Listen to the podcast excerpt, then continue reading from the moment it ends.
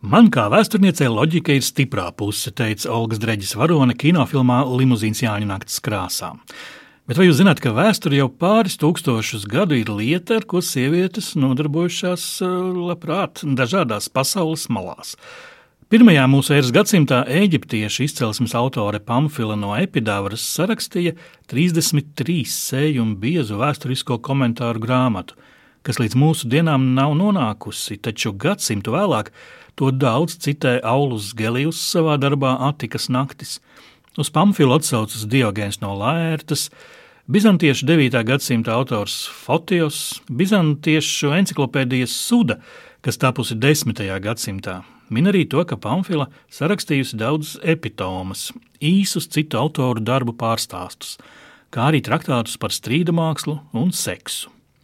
Daži pētnieki pieļauj, ka arī anonīmais traktāts Traktatus de Mulieribus Claris in Bello, kas stāsta par 14 slavenu sengrieķu sieviešu biogrāfijām, varētu būt viņas sarakstīts. Par to liecina gan stils, gan uh, valoda. Avotos rakstīts, ka Pamfila bija 13 gadus precējusies ar valodnieku Soteridasu, no kura nav atgājusi ne uz mirkli, taču visu šo laiku pierakstījusi, visu, ko dzirdējusi no sava vīra, ciemos atnākušajiem viesiem vai izlasījusi grāmatās.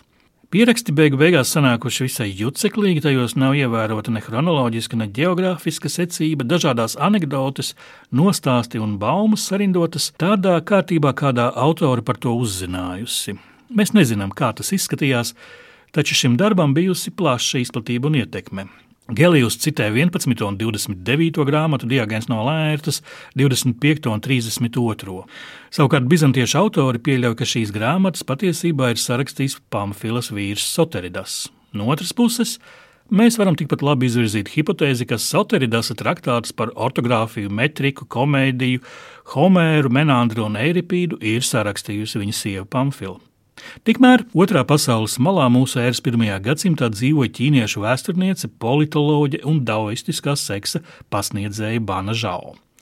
Dzimusi Anlingā, precējusies 14 gadu vecumā un iesaukt imperatora galmā, viņa turpinājusi sava tēva, vēsturnieka Bana Biao un brāļa Bana Čao iesākto darbu, pabeidzot iespaidīgo rietumu Haņu dinastijas vēsturi, kas aptvēra divus gadsimtus pirms mūsu ēras.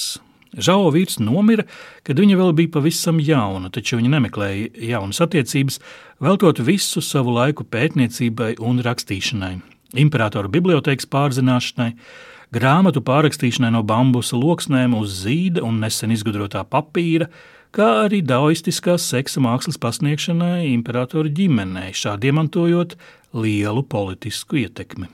Viņas sarakstītais traktāts pamācības sievietēm tika rakstīts meitām, taču ātri vien iesāka cirkulēt plašāk gaumā, un vairākus gadsimtus bija ietekmīgs avots sieviešu uzvedības un morāles jautājumos.